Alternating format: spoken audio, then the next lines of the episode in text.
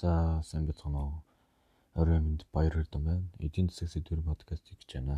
Эдийн засаг өсрөнгөө хөгжиж байгаач иргэдийн амжиргаанд эргээр нөлөөлж чадахгүй байгаа. Монгол улсын орлого өдөр ирэх бүр нэмэгдэж байгаач ядрал буурахгүй байна. Учир нь энэ их өсөлтөд хүний хөл шингээгүй тодорхойлбол зүгээр л байгалийн баялагаа зарж олсон орлогын өсөлт юм. Бүтээж буй баялаг бүхэн монголчуудын хөлс шингэсэн цагт Монгол улс мандан мутарна. Энэхүү ажилгүйдлээс болж алдагдаж буй үндэсний баялаг Филиппсийн өргөдлийн тэгшгэлийг ашиглан эдийн засаг түлээгдэж буй инфляцийн түвшнийг тооцсон гаргасан. Эдийн хөлс шингэсэн өсөлтөл хүний амьдралд наалтан эдийн засаг өсрөнгөө хөгжиж байгаач ядуурл буурахгүй байна гэсэн үнэн чимшээг сүүлийн үед байнга яригдах болсон.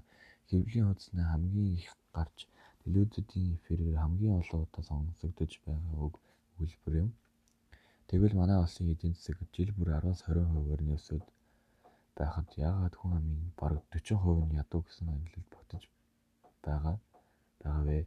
Учир нь энэ их өсөлтөд хүний хөлс шингээгүй зүгээр л байгалийн баялагаа зарж олсон орлогын өсөлт юм аа. Мэдээж уур уурхайн салбарт олон мянган ажлын байр шинээр бий болж тэнд хүмүүс хөлсөө урсан ажиллаж байгаа нь үнэн. Гэхдээ хөлс гэсэн ойлголтыг нэмүү өртөг шингээх гэдэг утгаар хэрэглэж байна. Эдийн засгийн өсөлтийн мөн чанар бол баялаг бүтээх гэсэн тавч ухаагдсан байдаг. Тэгвэл монголчууд ихэнхдээ баялаг бүтээхгүй байгаа. Тийм ч учраас иргэд нь ядуу орлого нь бага инфляц нь өндөр байгаа юм. Тиймээс өнөө хүртэлх эдийн засаг яаж үүссэн талаарх түүхийг товчхон ярив.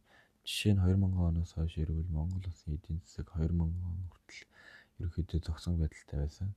2005 оноос дэлхийн эдийн засгийн бүтцэд ерөнхийдөө өөрчлөлт орсноос хойш тэр өөрчлөлт манай улсын эдийн засагт эргээр нөлөөлж эхэлсэн. Хятадын эдийн засаг сүүлийн 30 жилд асар хурдтай өсөж байна. Дэлхийн нийтийг алмаруулсан Хятадын эдийн засгийн өсөлт Монгол руу тодорхой хэмжээгээр нөлөөлж буй нөлөөлөл нь өнөөдрийн өсрөнгөө өсөлт болоод байгаа юм. Манай газрын баялагын эрэлт хэрэгцээ урд хүршид асар их хэмжээгээр нэмэгдэж байна. Тэр эрэлт хэрэгцээ Монголын эдийн засгийн хөгжих, Монгол улс хөрөнгөжих боломжийг олгож байгаа. Гадаадынхан Монгол улсыг нүүрсний хамгийн том нөөцийг агуулсан орон хэмээн анхаарал хандуулах болсон.